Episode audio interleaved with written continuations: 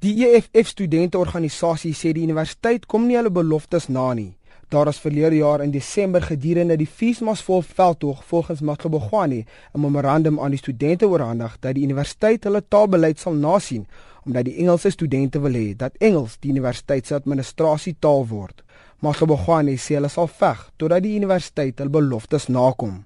There's a culture that seeks to exclude the black people, people who are now the majority of the country, but we see them at the University of Pretoria being the minority.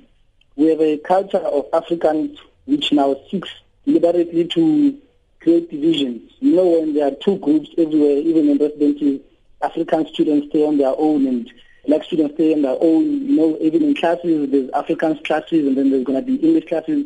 So we are saying that those divisions, that culture is what perpetuates and creates a white supremacy and white arrogance because at the end of the day, it is such cultures that are going to make people think that they're superior to others.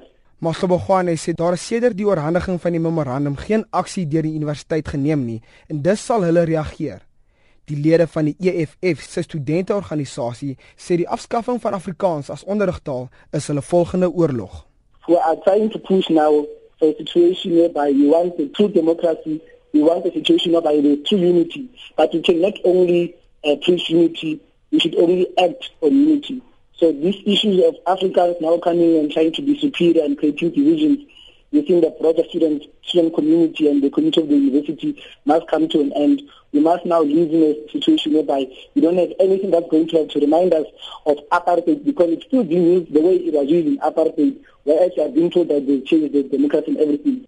Masobogwane het gister gesê die taakspan wat die taalbeleid moet hersien, moet 'n aankondiging maak anders sal hulle die universiteit onregeerbaar maak.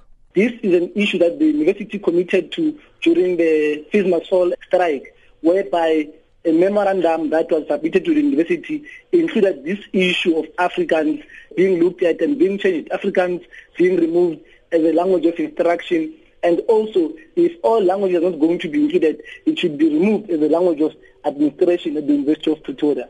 So this is an issue that the university agreed to on the Tilson memorandum. We are now saying to the university they should implement their promises that they made during the Tilson Fall campaign. Die universiteit se woordvoerder, Anareta Bouwer, sê taalbeleidsprosesse is nog aan die gang en dat niks verander het nie. Dit is 'n proses en dit goed met hierdie raad gaan en alles. So hierdie proses is aan die gang en niks het verander vandat ons laas met hulle gepraat het nie. Dit was die Universiteit van Pretoria se woordvoerder, Anareta Bouwer en ek is Vincent Mofokeng vir SABC nuus.